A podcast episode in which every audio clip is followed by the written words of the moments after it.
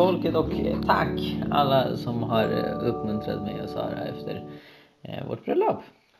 Avsnittet om det blev som väntat ett av de mest lyssnade som vi någonsin har gjort. Och vi hoppas att vi kunde förmedla något mer än bara woho och kolla på oss, vi är så kära. Vi ville peka på att det är viktigt att vi lever enkelt och troget Jesu lära även när vi ställer till med fest och jag hoppas att vi vår erfarenhet kan inspirera till det. Um, idag så tänkte jag bjuda på del två av min föreläsning om eh, kyrkohistoria som jag höll på tonårsbibelskolan i somras. Del ett släppte vi för snart två månader sedan så det var lite tag sedan. Ni kan scrolla ner till det i era poddfeedar. Den radikala fornkyrkan hette det och behandlade de första 300-400 åren av kyrkans historia. I det här avsnittet så eh, tittar vi på medeltiden i bred bemärkelse från sen forntid till tidig modern tid, det vill säga reformationseran. Och jag tar upp eh, människor som eh, förenade karismatik med engagemang för fred och rättvisa. Det är något som jag fokuserar på i en bok som jag vill göra lite reklam för Eh, jag har skrivit en bok som heter Charismactivism på engelska.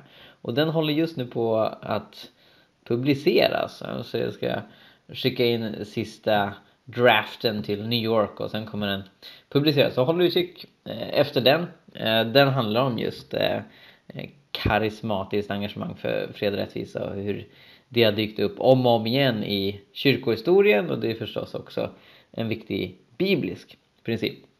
Eh, så i det här avsnittet så kommer jag eh, lyfta människor eh, genom tiderna som jag tycker är förebilder och även några som är viktiga som kanske inte inspirerar mig jättemycket men som man ändå behöver nämna när man undervisar ungdomar om kristna genom historien. Så jag hoppas att detta avsnitt är lärorikt och roligt och annars får ni klaga i kommentarerna. Gud välsigne Hej!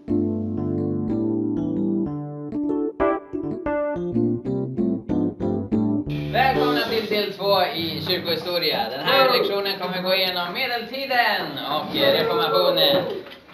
Halleluja.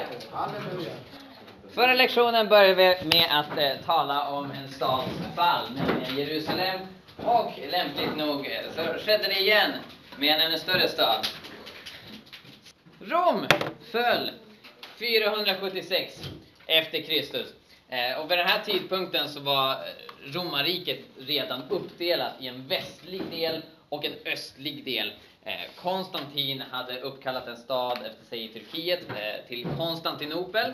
Vet någon vad den staden heter idag? Istanbul, exakt. Och det hade börjat mer och mer bli romarrikets egentliga huvudstad. Så att Rom togs över av barbarer. På riktigt barbarer, alltså de hette så. Det var en folkgrupp.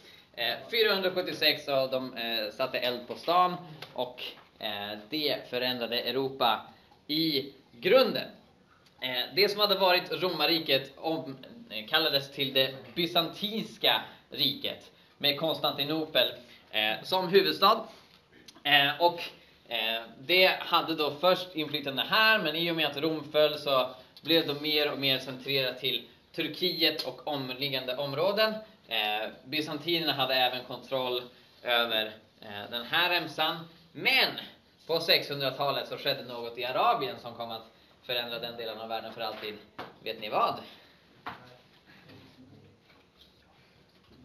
Mohammed. Mohammed kom eh, och hävdade att han hade fått budskap från Gud. Eh, han startade islam och islam spred sig väldigt eh, snabbt. Eh, de hade Eh, ett eh, religiopolitisk organisation, alltså en, en religiös stat som kallas för kalifatet. Eh, och det tog över eh, Egypten, Israel, Jordanien, eh, Syrien eh, och liknande och kom till gränsen av bysantinska imperiet och sen så blev det en del strider däremellan. västvärlden, alltså västra romarriket, hade kollapsat i och med att Rom föll. eh, akvedukter och, och byggnader eh, som romarna hade byggt eh, fick mossa och liksom glömdes bort. Eh, och samhället blev mer och mer decentraliserat. Eh, och i den här kontexten eh, så frodades klosterlivet väldigt mycket. Eh, så en eh, religiös ledare värd att nämna är Saint Patrick. Känd för Irland och öl, som han antagligen inte drack. Eh, och han fördes bort av pirater eh, vid 16 års ålder. Eh, de eh, höll honom fången eh, och eh, detta var väldigt hemskt för honom, vilket gjorde att eh, han började be. Fram tills dess hade han inte tagit sin tro särskilt seriöst, men han bad till Gud. Och en natt så hörde han Guds röst som sa åt honom att fly.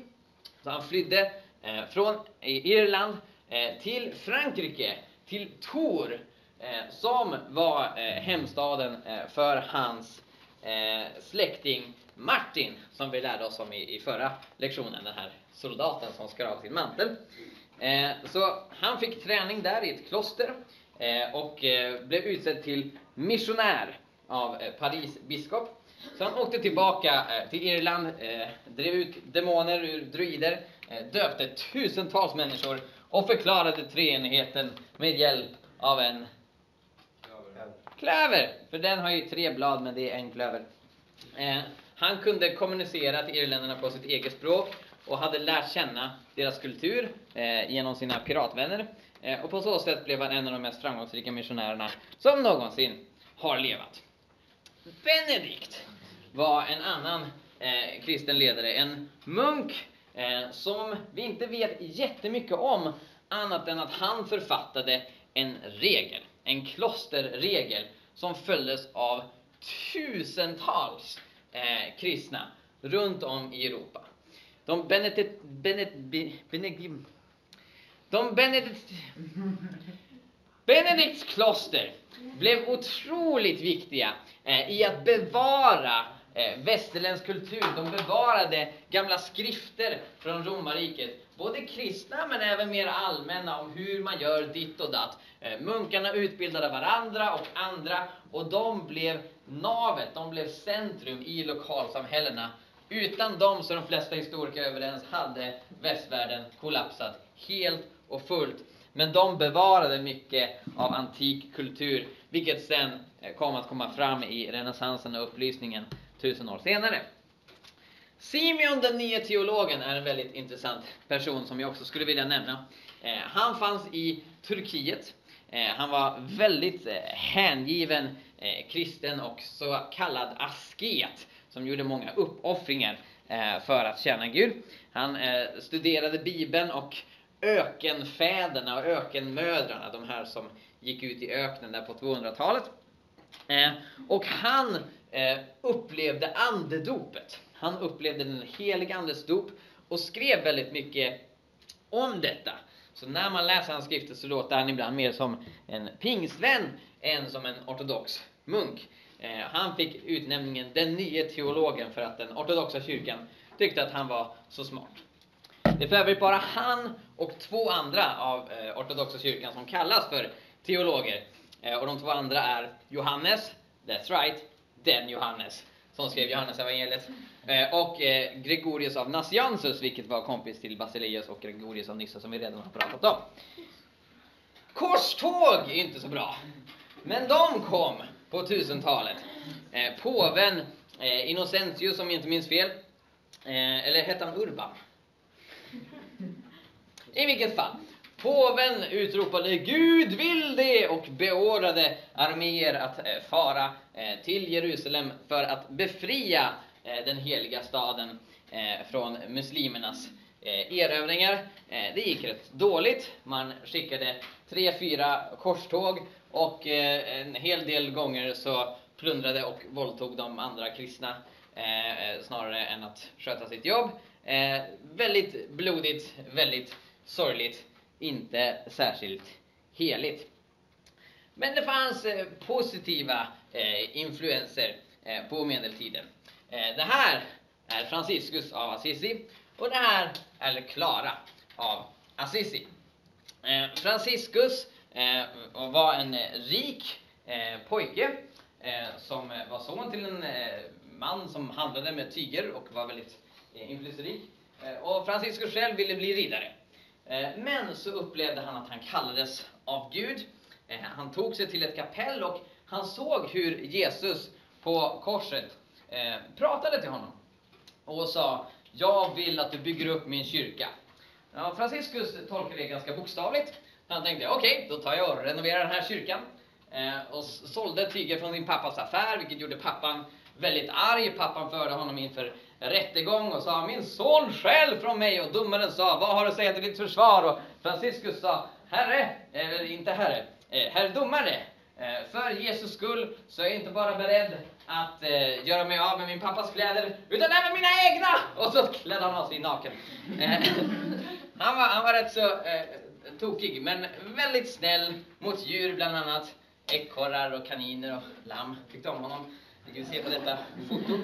Eh, och han, han, är känd för att en gång faktiskt predika för fåglarna. Så han, han gick runt och undervisade sina lärjungar om, om eh, hur, hur liksom hela Guds skapelse är viktig. Och han sa, ja, men nu vill jag illustrera detta. Så började han ställa sig och prata med fåglarna. Och de trodde att han var knäpp tills de märkte att fåglarna faktiskt eh, lyssnade på honom, tittade på honom och liksom lyssnade på vad han sa. Så det var ju ganska coolt. Eh, Franciscus eh, startade en orden, alltså en klosterorden, som betonade fattigdom. Vid det här laget så hade en hel del kloster blivit ganska rika, som hade på sig mycket guld och munkar och nunnor levde ganska gott. Francisco sa nej, vi ska leva i fattigdom och kyskhet och lydnad. Eh, och han fick med sig Klara, eh, som också kom från en rik familj, hörde Franciscus undervisning, tyckte det där låter otroligt bra. Eh, så hon eh, blev nunna. Eh, hon startade eh, då en orden för fattiga eh, damer. Eh, tror det heter, The Order of Poor Ladies på engelska. Eh, och, och, de gick bland annat barfota, de sov på golvet, eh, de åt vegetariskt. och hon upplevde flera mirakler. En gång så kom eh, armén till kejsar Fredrik den andre eh, och så skulle de plundra Assisi, vilket ligger i Italien. Eh, men då så eh, gick Klara till fönstret i sitt kloster och lyfte ut nattvardsbrödet Eh, och då sprang soldaterna iväg. Så fega var de. Eh, Franciscus eh, tog emot eh, stigmata, vilket är samma sår som Jesus hade på händer och fötter och i sidan. Eh, och eh, han dog med de såren kvar på sig. Antonius, eh, han hade också i den här rörelsen, han inspirerades av eh, franciskaner i Marocko. Han hade hört talas om att de blev martyrer där och tänkte wow, det låter häftigt. Så han ville också bli det. Eh, var en väldigt hängiven franciskanmunk eh, eh, som det rapporteras om väldigt många mirakler eh, kring. Ehm, eh, bland annat eh, att han eh, överlevde förgiftad eh, mat, att han bad för ett amputerat ben som växte ut. Och han var väldigt känd som, som en eh, smord predikant som liksom hade en, en tunga av guld och som verkligen eh, ah, förmedlade budskap på, på ett eh, bibliskt sätt. Eh, efter att han dog och hans kropp lades ner i graven och sen grävde man upp den. Så upptäckte man att eh, tungan var kvar. Eh, och det brukar den inte vara. Tungan brukar ruttna bort. Den finns kvar än idag. Eh, så ja, det är lite äckligt men det är också ganska coolt. Eh, så på något sätt så var Antonius tunga så välsignad att eh, den finns kvar än idag. Eh, sen så fanns det kyrkodoktorer. Och det är ett väldigt tråkigt ord. Ja, Emma? Var finns den eh, Jag tror den finns i, i Padua. Han kallas för Antonius av Padua. Eh, och det tror det vara en italiensk stad. Eh, men jag vet inte exakt. Googla på det. Eh, eh in fact, alltså, ni behöver inte lyssna på mig, ni kan googla på allt det här. Eh, Kyrkodoktorer är ett tråkigt ord, men det här är viktiga personer, för precis som Augustinus har de varit väldigt inflytelserika. Eh, Thomas av Aquino eh, var en eh, munk som författade en bok som hette Summa Theologica, vilket betyder allt om teologi. Och det är en rätt ambitiös titel, men han fick med det mesta. Hans grej var att han kombinerade Bibeln med filosofi från den antika Grekland, eh, närmare bestämt Aristoteles. Eh, och det gjorde ju att han i vissa punkter hamnade i, till, i andra slutsatser än om man bara hade utgått från Bibeln. Men det gjorde också att det antika tänkandet eh, som hade varit väldigt formgivande för eh, romarriket eh, levde kvar även under medeltiden. Katarina av Siena var inte eh, lika begränsad till intellektet som Thomas av Aquino. Hon var en så kallad mystiker, eh, men utnämndes även eh, till kyrkodoktor av påven så sent som 1970. Och båda de här två är eh, skyddshelgon för Europa. Eh, hon eh, verkade för fred eh, i de italienska stadsstaterna och betonade eh, frid med Kristus och att söka honom passionerat. Ja? Kan du gå till förra... Sorry. Så var Katarina skyddsdoktor, eller kyrkodoktor? Ja, precis. Bra, bra att du frågar. Jag bara slänger omkring massa komplicerade ord. Från 1970?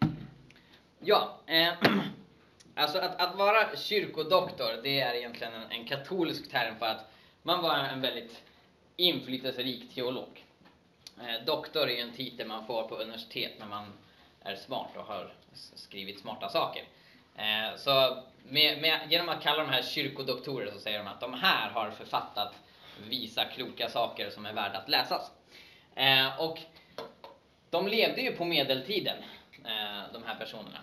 Eh, men ibland så tar katolska kyrkan lite tid på sig att bestämma sig för vem som är vad. Eh, det finns vissa som helgonförklaras så här tusen år efter att de levde. Eh, och på samma sätt så blev hon förklarad då kyrkodoktor för bara 47 år sedan. Men hennes skrifter författades när hon levde och hon har ju varit inflytelserik under hela den tiden. Ehm, en annan eh, mystisk mystiker är Teresa av Avila. Eh, hon levde i Spanien. Eh, och grejen med mystik eh, är att det, det, är på ett sätt en, en rätt karismatisk form av kristendom. Alltså, man betonar det mirakulösa, det känslosamma, att Gud talar till mig personligen. Eh, Teresa brottades mycket med bön, hur ska jag be, hur mycket ska jag be, hur ska jag vara överlåten i bön? Eh, och eh, ja, hon liksom lärde sig andliga praktiker så att hon kunde be mer och mer och söka Gud. Hon var nunna, obviously. Eh, och eh, hennes eh, skrifter är otroligt inflytelserika och hon är väldigt populär bland många katoliker. Hon är skyddshelgon för Spanien. Då kommer vi in på eh, reformationen och egentligen det som ledde fram Eh, till reformationen. Eh, så Peter eh, Valdo eh, hette en, en eh, kille som eh, började predika eh, på gatorna i Lyon där Irenaeus hade verkat några tusen år tidigare. Han talade om apostolisk fattigdom, att leva enkelt, han pratade om att ha en biblisk livsstil eh, och han ville att vi skulle gå tillbaka till Bibeln. Eh, han tyckte att med tiden så hade kyrkan glidit ifrån de bibliska idealen och vi ska gå tillbaka till originalet. Hans efterföljare kallades för valdensare eh, efter då att han hette Valdo. Eh, och eh, de hade egendomsgemenskap, en hel del av dem. Eh, de eh, sändes ut två och två till olika eh, byar Eh, runt om i Frankrike och norra Italien. Eh, de predikade, de betjänade människor. Eh, Valdo såg till att en översättning av Nya Testamentet till franska gjordes. Och han sa nej till vissa katolska läror såsom skärselden och transubstantiation. Är det någon som vet vad skärselden är?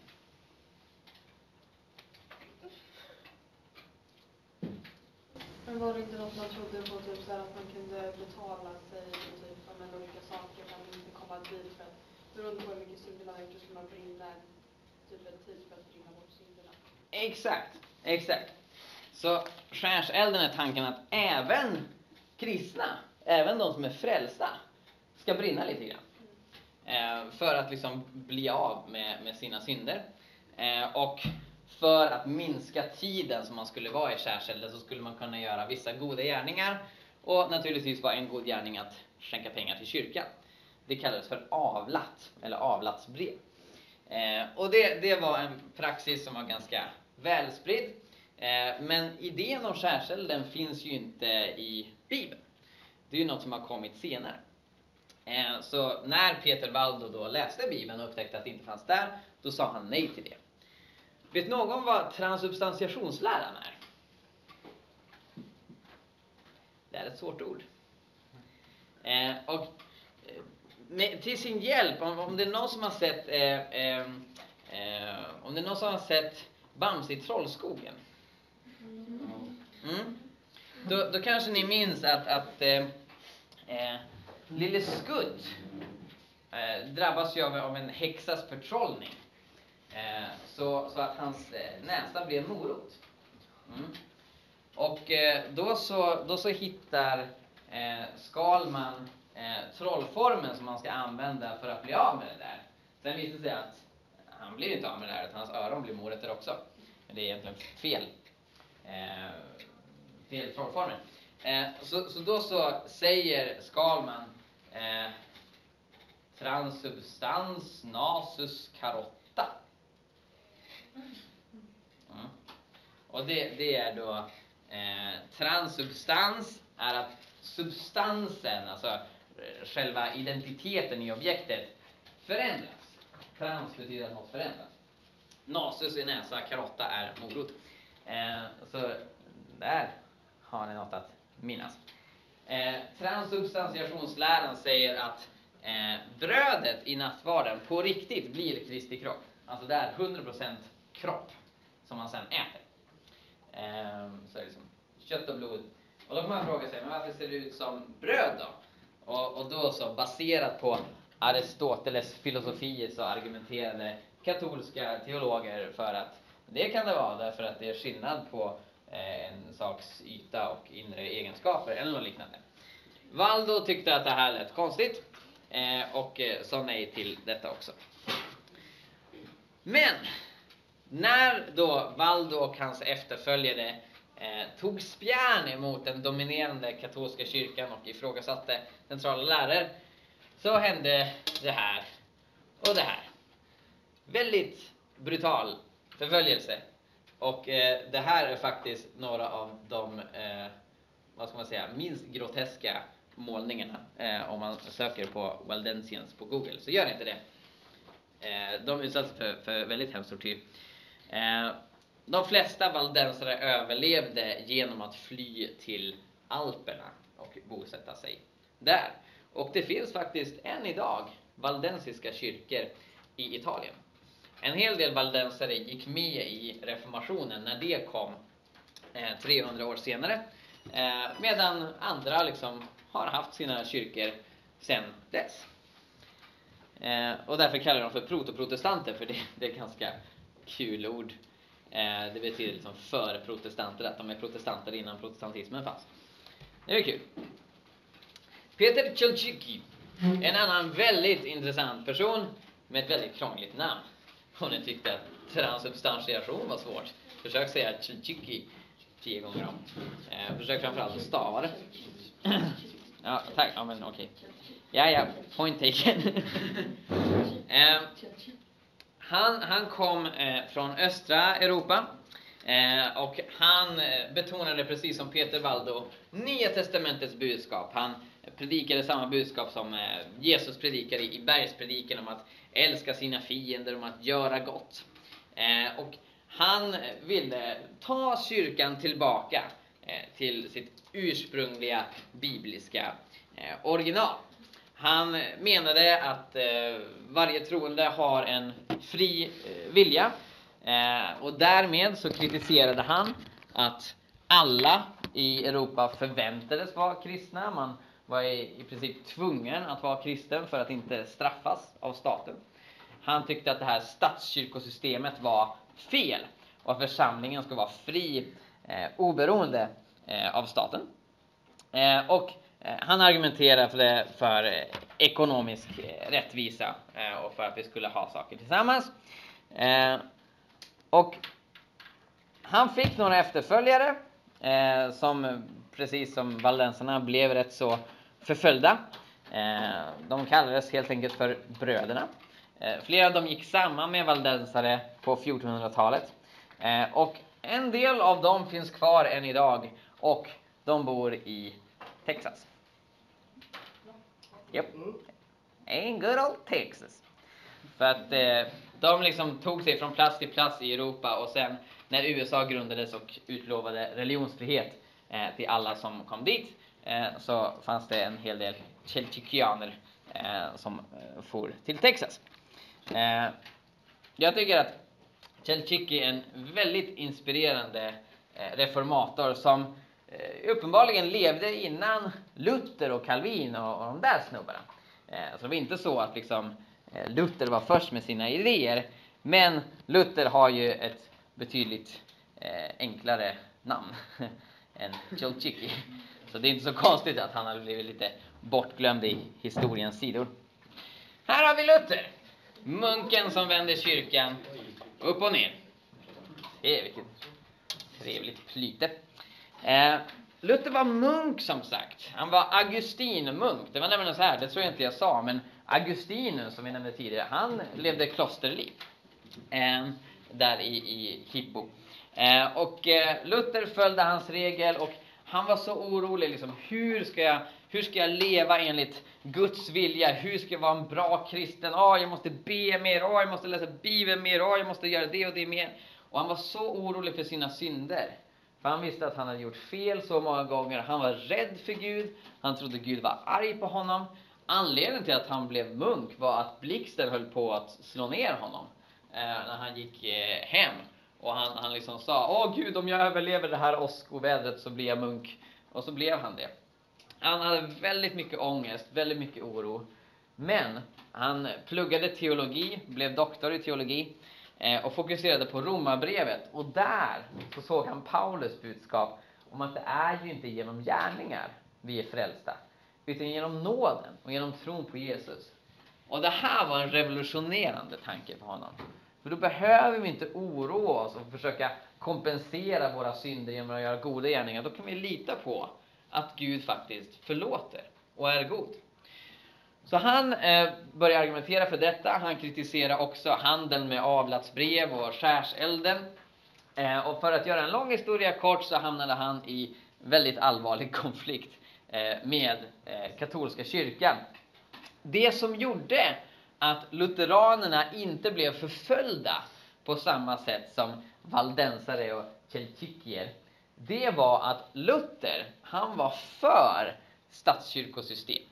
Inte exakt som katolska kyrkan hade utformat det, men han hade inget emot eh, att politiska ledare eh, tvingar sin befolkning att tycka si eller så. Eh, och det gjorde att i Tyskland där Luther ledde, Luther var tysk. Eh, där så fanns det mängder med olika stater. På den här tiden så bestod inte Tyskland av ett land, utan av kanske hundra länder. Eh, som de flesta var centrerade kring en stad och så lite liksom omkringliggande byar. Och det gjorde att det fanns många furstar där, som Luther kunde övertyga om sin lära och då sa fursten, ja, nu är vi protestanter, nu är vi inte katoliker längre. Det gjorde att lutherdomen lyckades mycket bättre än eh, andra tidiga rörelser som också hade protesterat mot katolska kyrkan. Rätt så samtidigt med Luther så fanns en man som hette Calvin, John Calvin, eller Jean, han var fransman. Eh, han predikade ett liknande budskap som Luther, att det är Bibeln vi ska gå tillbaka till, att det är endast genom nåden vi är frälsta. Men Calvin tog det några steg längre än Luther.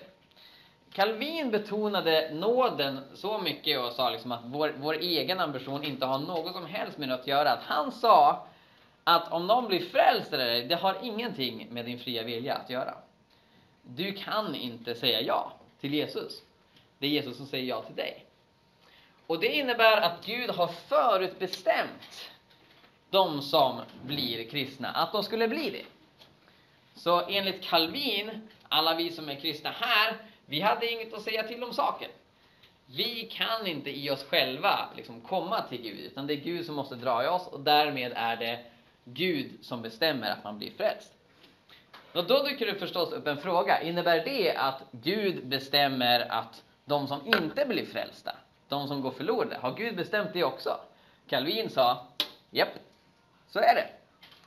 Och det har gjort att den kalvinistiska läran eh, inte är så positiv till idén om en helt fri vilja, där vi kan säga ja eller nej till Jesus. Kalvinister lär att nej, det är Gud som bestämmer och om Gud bestämmer att vissa ska komma till helvetet, då är det Gud som tycker det och vi har inget att säga till om det. Eh, en hel del kalvinister som jag har pratat om eh, förnekar att Gud älskar alla människor eh, och säger även att ja, Gud skapar vissa människor bara för att de ska gå förlorade. Det här är lite svårsmält, kan jag tycka. Och kalvinismen är rätt så ovanlig i Sverige. Det finns väldigt få församlingar i Sverige som, som kallar sig eh, kalvinistiska. Däremot så var det en hel del kalvinister som spred sig vidare till Nederländerna, till Skottland och USA. Så i USA så kan man stöta på eh, vissa kalvinistiska predikanter och där är det flera som inte går lika långt som Calvin själv. Eh, så det är flera som säger okej, okay, eh, vi som blir frälsta, vi är förutbestämda till frälsning. Men de som inte blir det, de är inte det. Och då kan man fråga sig, hur går det till? Men eh, det är en hel del som säger. Och vissa säger också, okej, okay, det kanske finns fri vilja i någon mån. Fråga på det?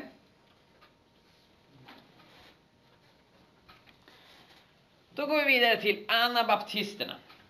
Eh, och de här kom lite senare än, än Luther och Calvin och gänget, men inte allt för senare.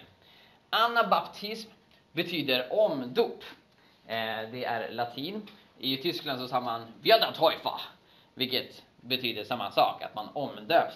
Eh, och anabaptisterna lärde att eh, spädbarn inte är de som ska döpas. För de kan inte säga ja eller nej till Jesus. Utan det är när man kan säga ja till Jesus som man ska bli döpt. Så de här var i, på andra spektrat än Calvin.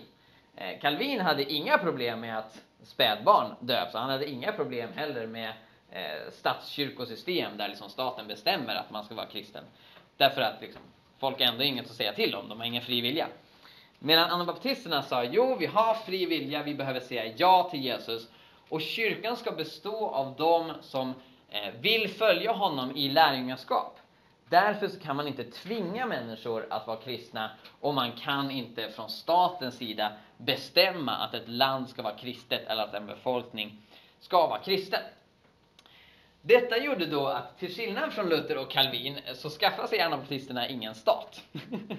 eh, utan de blev väldigt förföljda, eh, precis som valdenserna eh, och andra utbrytargrupper eh, före dem. Eh, och det finns väldigt häftiga historier från den här tiden. Eh, den här killen heter Dirk. Dirk Willems. Han kom från Nederländerna om jag inte missminner mig. Eh, och han blev fängslad eh, för att han var anabaptist. Eh, skulle avrättas. Eh, men han, han gjorde en sån här eh, Kalle Anka escape. Han liksom band samman lakan och liksom kastade ut sitt fängelsefönster och, och klättrade ner som en seriefigur. Och sen så sprang han därifrån och så kom det två vakter och liksom kom tillbaka. Och de sprang och sprang och det var vinter så han sprang ut på en sjö, ut på isen och vakten jagar honom och bla! Åker ner i öken. Och då vänder Dirk sig om och drar upp vakten. Och den här vakten han blir, han blir väldigt chockad över att Dirk gjorde det. Eh, hans vaktkollega kommer fram ut på isen, arresterar Dirk. De tar honom tillbaka till borgen och avrättar honom. Eh, vakten som hade blivit räddad eh, argumenterade för att han inte skulle avrättas, för han blev, han blev väldigt rörd av Dirks gärning.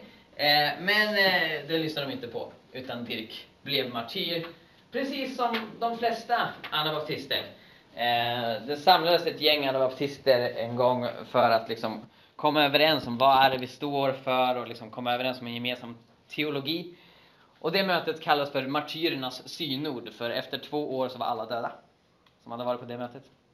Eh, dock så fanns det en snubbe som inte eh, dog martyrdöden eh, och som blev väldigt inflytelserik. Och han hette Menno Simons. Eh, Marcus? Eh, vad för kristna är vi? För protestanter? bra fråga, bra fråga. Eh, det beror ju, alltså, jag skulle säga att de flesta frikyrkokristna i Sverige är mest likt anabaptisterna. Men det finns ingen så här anabaptistisk kyrka i Sverige. De finns mest i, i USA och England och lite i Nederländerna och sådär. Däremot så eh, här eh, på Götabro och på Örebro teologiska högskola eh, så pratar man en hel del om den här rörelsen. Så man kan säga att eh, anabaptismen har inspirerat frikyrkan en hel del. Men många frikyrkor kom ju långt senare än, än eh, 1500-talet.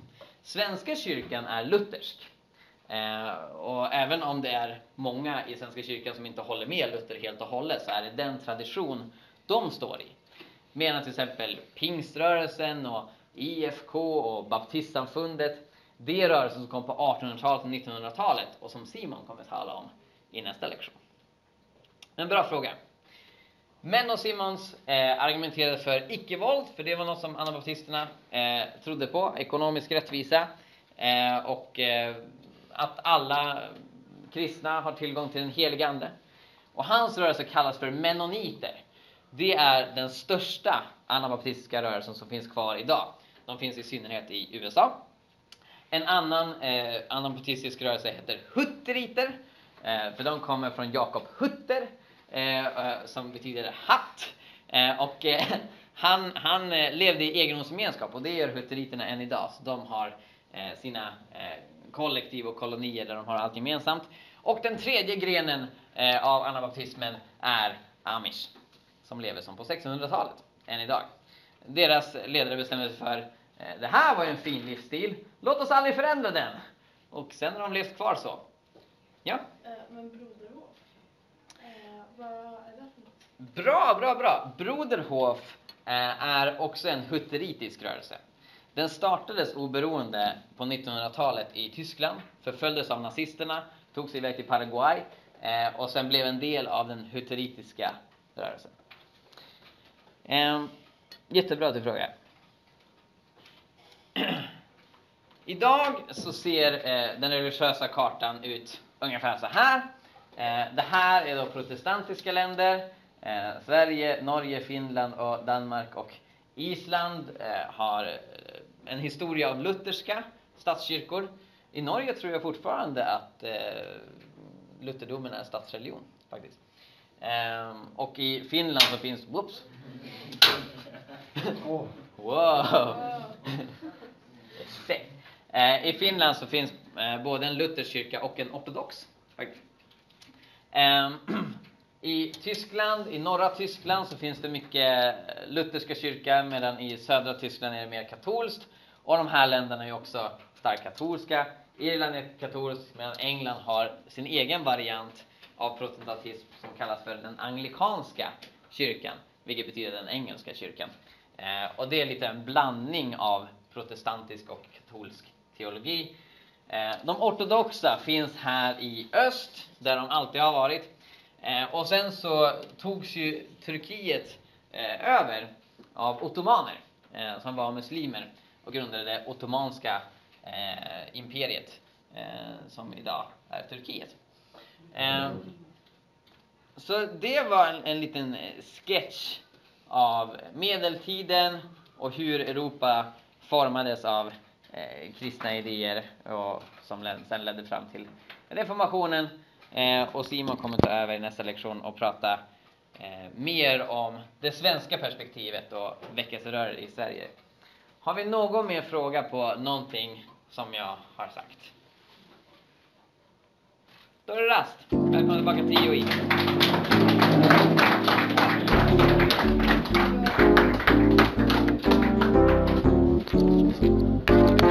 Jag liksom såhär äh, banka in år 1632, det är lite Det är lite tråkigt. Jag är mer intresserad av människor, historier, mirakler, händelser. Så.